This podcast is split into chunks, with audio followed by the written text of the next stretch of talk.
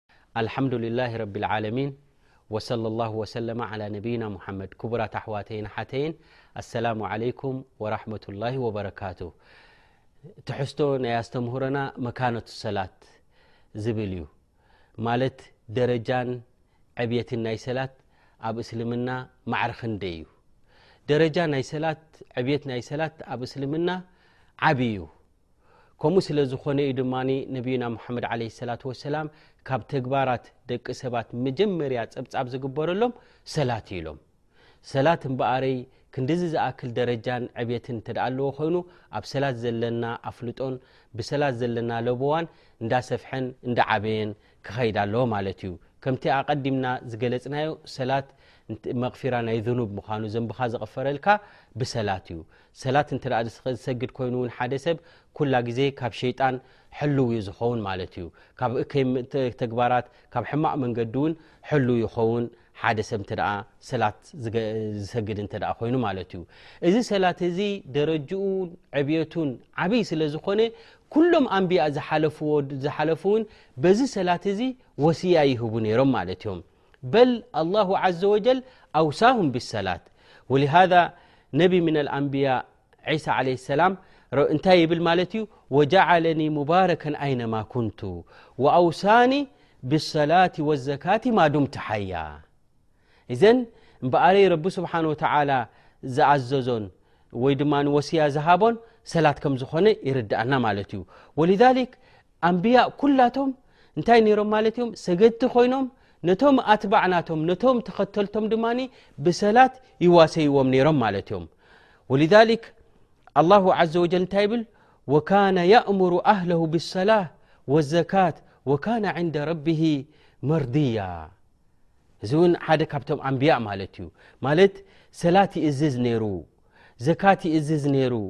ፍትው ኣብ ረቢ ድማ ንኮይኑ ማለት እዩ እዘን ብምንታይ ወስያ ይህቡ ነሮም ብምንታይ ይምዕዱ ነሮም እተ ተባሂሉ ብሰላት ምክንያቱ ሰላት እዩ ናብ ረቢ ስብሓን ወተላ ከቕርበካ ዝኽእል ሰላት እዩ ካብ መንገዲ ክሕደት ናብ መንገዲ ቅንዕና ክመርሓካ ዝኽእል ማለት እዩ ወልሊ ላ ዘ ወጀል ኣሚረ ነብዮ ለ ሰላ ሰላም እንታይ ኢለዎም ዋእሙር ኣህለካ ብሰላ ወስጠብር ዓለይሃ ላ ነስኣሉካ ርዝቀን ናሕኑ ነርዙቁካ ወልዓቂበቱ ልተቅዋ እዘን ሰላት ንክእዝዙን ሰላት ንክሰግዱን ኣላሁ ስብሓን ወተላ ኣብ ሰላት ዘሎ ምክትታል ሓያል ፃዕሪ ክገብሩን ተኣዚዞም ማለት እዮም ወልዛሊክ ኣነቢ ዓለ ሰላት ወሰላም ወሲያ ይህቡ ነይሮም ብሰላት ማለት እዩ ወሊዛሊክ ነቢና ሙሓመድ ዓለይሂ ሰላቱ ወሰላም ኣብቲ ናይ መጨረሻ ህይወት ናቶም ወይ ድማ ኣብቲ መጨረሻ ናብ ረቢ ስብሓን ወተዓላ ክኸዱ ከለዉ እታ ዝላበዋ ነበሩ እንታይ ነይራ ኣሰላት ኣሰላት ዝብል ነይሩ ማለት እዩ ሕድርኹም ሕድርኹም ብሰላት ይብሉ ነይሮም ወሊዛሊክ ከምኡ ስለ ዝኾኑ ሰሓበት ነቢ ዓለ ሰላት ወሰላም ከምኡ ውን ታብዒን ከምኡ ድማ ዑለማ ብዛዕባ ሰላት ኣቃልቦ ክንገብርን ክንዛረብን ድማ ኩላ ግዜ የተባብዓና ማለት እዩ እዚ ሰላት እዚ ደረጅኡ ዓብይ ስለ ዝኾነ ማለት እዩ ወኩለ ኣንብያ ቡዒሱ ብሰላት ሰላት ተኣዚዞም ኩሎም ነብያት ማለት እዮም ወልሊክ እንተ ኣብ ሲራ ናይ ኣንብያ እንተ ርኢኻ ኣላሁ ስብሓን ወተዓላ ብምንታይ ይእዝዞም ነይሩ بصلاةز نرم ولذلك الله عز وجل تل أولئك الذين أنعم الله عليهم من النبيين من ذرية آدم وممن حملنا مع نوح ومن ذرية إبراهيم واسرائيل وممن هدينا واجتبينا إذا تتلى عليهم آيات الرحمن خروا سجدا وبكية إذ سجود كم دنبرم ይሰግዱ ከም ዝነበሩ በዚ ይበርሃልና ማለት እዩ እዚኦም ኩላቶም እዚኣቶም ኣንብያ እዮም ላኪን ረቢ ስብሓን ወተላ እቲ እሳቶም ሓሊፎም ብድሕሪኦም ዝትክእዎም ካብ ሰላት ከም ዘጉድሉ እንታይ ኢሉ ፈኸለፈ ምን ባዕድህም ኸልፉን ኣዳዑ ሰላት ወተባዑ ሸሃዋት ንሶም ምስ ሓለፉ ንዖም ዝተክእዎም ግን ሰላት ኣጥፊኦም ኣዳዑ ሰላት ወተባዑ ሸሃዋት ቃሕታ ነፍሶም ዝኽተሉ ዝኾኑ ኢሉ ፈሰውፋ የልቀውና غያ ኢሉ ኣብ ሓዊ ጀሃንም ውን ከም ዝኣትው ውን ገሊጹልና ማለት እዩ እዘን ፈልኣንብያ ቡዒث ብሰላት ብሰላት ተኣዚዞም ማለት እዮም ቁርን ክቕራእ ከሉ እንታይ ይገብሩ ነሮም ኸሩ ስጀዳ ስጁድ ነይርዎም ማለት እዩ ወልሊክ እንተ ርእና ኣንብያ ኣብ ሰላት ዝነበሮም ኣንብያ ናብ ረቢ ስብሓንሁ ወተዓላ ሓታ እቲ ቅርፂ ናይ ሰላት ከይተረፈ ከምዚ ናትና ዓይነት ከም ዝነበረ ዘብርህ ብዙሕ ነገራት ኣሎ ማለት እዩ ወልሊክ ነቢና ሙሓመድ ዓለ ሰላት ወሰላም እንታይ ኢሎም እና ማዕሸረ ኣንብያ ኡሚርና ኣን ኑዓጅል ኢፍጣርና ወንኣክር ስሑርና ወነድዓ ኣይማንና ዓላ ሸማኢለና ፊ ሰላት ኢሎም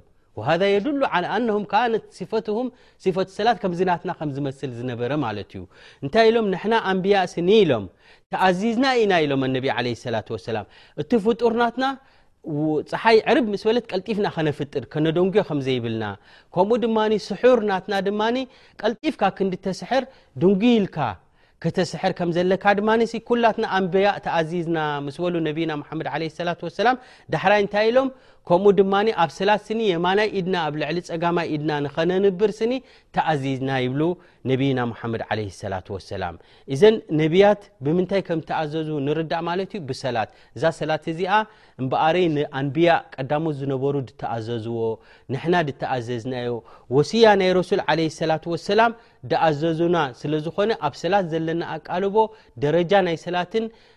ዕብት ናይ ሰላትን ዝያዳ ክንፈልጦ ይግብኣና ማለት እዩ ወ ካብ صሒሕ ሙስሊም ነብይና ሙሓመድ ለ ሰላة ወሰላም እንታይ ኢሎም መረርቱ ዓላ ሙሳ ወሁዋ ዩሰሊ ዓላ ቀብሪ ኢሎም ኣላሁ ኣክበር በቲ ናይ ሰይድና ሙሳ ዘለዎ ቀብሪ ብኡ ሓሊፈ ስኒ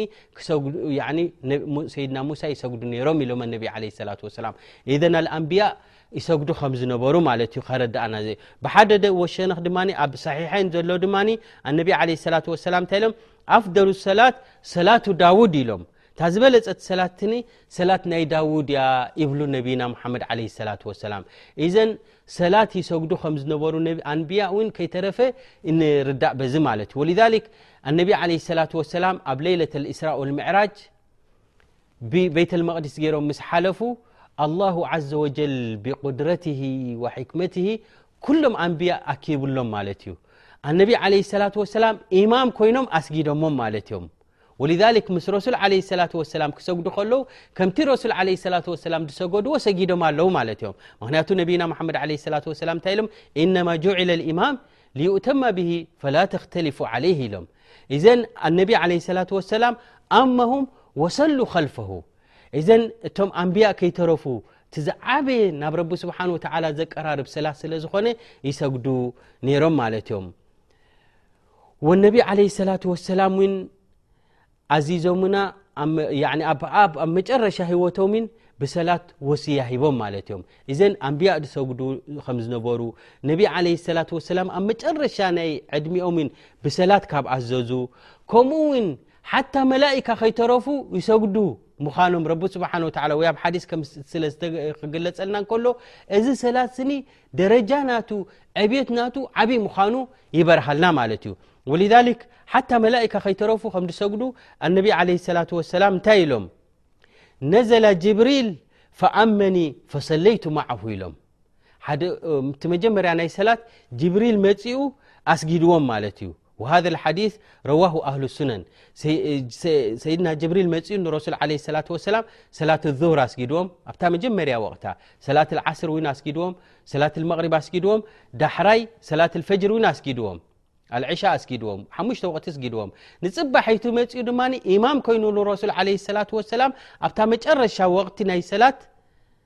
ኣስጊድዎም ዙህሪ ኣብታ መጨረሻ ዓስሪ ታ መጨረሻ ኣልዕሻ ከምኡ ድማ እቲ መጨረሻ ናይ ወቅቲ እውን ኣስጊድዎም ንረሱል ዓለ ሰላት ወሰላም ዳሕራይ እንታይ ኢልዎም እምበኣሪ ወቅቲ ናይ ሰላት ኣብ መንጎ ዝክልተ ኢሎሞ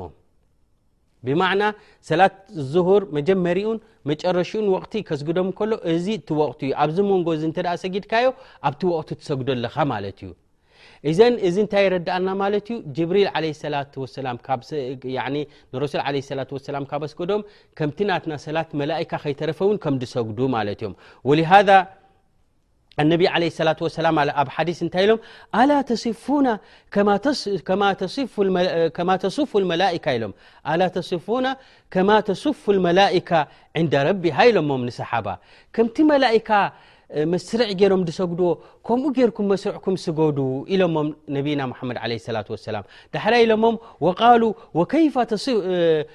ተስፉ መላካ ንደ ረቢሃ ያ ረሱሉ ላ እቶም መላካ ስኒ ከመይ ኢሎም ኣ ሰፍናቶም ይገብሩ ኢሎም ምስ ሓተትዎም ንረሱል ለ ላ ሰላም ኢሎሞም ዩቲሙነ ሰፈ ኣወል ፈልኣወል እቲ ቀዳማይ መስርዕ ምስ መልአ ሽዑ እቲ ካልኣይ ይመልኡ እቲ ካልኣይ ምስ መልአ ኣብቲ ሳልሳይ ይኸዱ ኢሎሞም ኣነቢ ለ ላ ሰላም እዘን እዚ እንታይ የረዳኣና ማለት እዩ ሓታ መላካ ከይተረፈ ይሰግዱ ማለት እዮም እዘን ሰላት ደረጅኡን ዕብቱን ዓብዪ ምዃኑ ይርዳኣና ማለት እዩ በል ኣነቢ ለ ሰላ ሰላ እታይ ኢሎም ኣጠት ሰማ ኢሎም ወሑቃ ላሃ ኣንተይጥ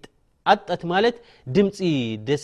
ድምፂ ዓይነት ክሰማዕ ከለካ ኣጣ ይበሃል ብዓረብ ማለት እዩ ብቋንቋ ዓረብኛ እዘን ሰማይ ስኒ ድምፂ ኣስሚዓ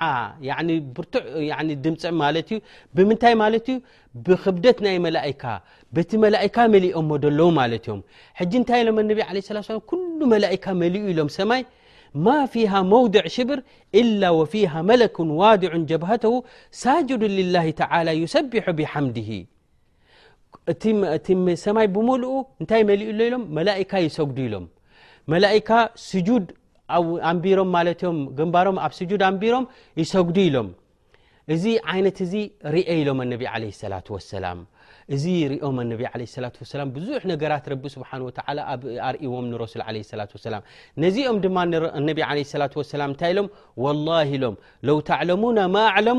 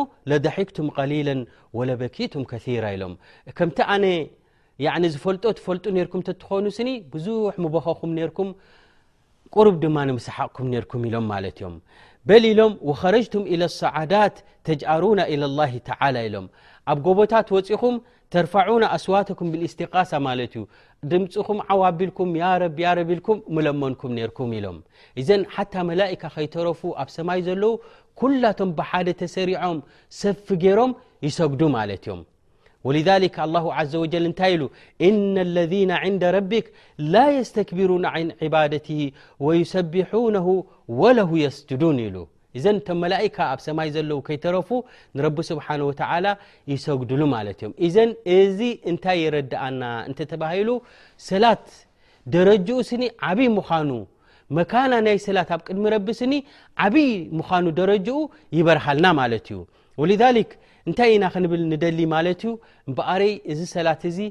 ዕብት ናቱ ደረጃ ናቱ ስኒ ዓብዩ እሞ ንሕና ድማ ደለና ኣቃልቦን ደለና ኣስተምህሮን ኣብ ናይ ሰላት ድማ ዝዓበየ ክኸውን ኣለዎ ማለት እዩ ኣንብያ ኩላቶም እንታይ እዮም ነሮም እተ ተባሂሎም ሰላት ይሰግዱ ነሮም መላካ ኣብ ሰማይ ዘለዉ ኣብ ኩሉ ዘለዉ መላካ ንረቢ ስብሓን ወተላ ይሰግድሉ ሓታ እቲ ክሰግዱ ከለዉ ከመይ ዓይነት መስርዕ ገሮም ከም ዝሰግዱ ነብይና መሓመድ ለ ላት ወሰላም ገሊፆምልና ማለት እዮም እዘን እዚ እንታይ የረዳእና ማለት እዩ እዛ ሰላት እዚኣ ናይ ብሓቂ ዕብት ከምዘለዋ ክብረት ከም ዘለዋ ማለት እዩ ስለዚ ክቡር ሓወይ ክብርቲ ሓፍተይ ንሰላት ዘለና ኣቃልቦ ዓበይ ክኸውን ኣለዎ ተገዳስነት ዘለና ኣብ ሰላት እንዳ ዓበየ ክኸይድ ኣለዎ ማለት እዩ መላካ ንረቢ ስብሓን ወተላ ዝሰግዱ ብሉፃት ምሩፃት ዝኾኑ ወላ ሓንቲ ዘንቢ ዘይብሎም ንረቢ ስብሓን ወ ናብ ረቢ ብምንታይ ይቀራረቡ ኣለዉ ብሰላት ንሕና እውን ናብ ረቢ ስብሓን ወተላ እተ ክንቀርብ ኮይና ሓጃ ዘለና ጉዳይ ዘለና ካብ ረቢ ስብሓን ወተላ እተ ክንልምን ኮይና ብሰላት ኢና ክንቀርብ ዘለና ማለት እዩ ሰላት እተ ዝሰግድ ኮይኑ ሓደ ሰብ ናብ ረቢ ዝቀረበ እዩ ዝኸውን ብፍላይ ድማ ኣብ ስጁድ ክትከውን ከለካ እተ ሰጊድካ ኣለኻ እሞ ብ ስጁድ ኮንካ ንረቢ ስብሓን ወ እተ ትልምኖ ኣለካ ኮንካ ኣቅረብ ኢኻ ዘለኻ ማለት እዩ እሞ ኣልሓምዱልላህ ረቢ ስብሓን ወተላ ዘቀራርብ ሰላት ሂቡና እንከሎ ናብኡ ዘቕርብ ንሕና ወላ ምዝ ኹሉ ዘንብናን ምዝ ኹሉ ጉድለትናን ኣላሁ ስብሓን ወተላ ናባይ ክትቀርቡ እንተ ደሊኹም ብሰላት ኢኹም ትቀርቡ እንተ ኢሉናስ ነዚ ሰላት እዚ ከመይ ኢልና ክንሰንፍ ንኽእል ማለት እዩ በል ኣብ ሰላት ዘለና ኣትኩረት ኣብ ሰላት ዘለና ኣቃልቦ ዝዓበዩ ክኸውን ዘለዎ ማለት እዩ ንሕና ኩላትና ሰም ዘንቢ ኢና ማለት እዩ ዘንብና ክቕፈረልና ንደሊ ኢና ዘንብኻ ክቕፈረልካ እተ ደሊ ኮንካ ዘንቢ ብምንታይ ይቕፈር እተ ተባሂሉ ብሰላት እዩ ኩለማ ሰብ ሰላት ኣብዚሑ ኩለማ እቲ ዘንቢ ዝነበሮ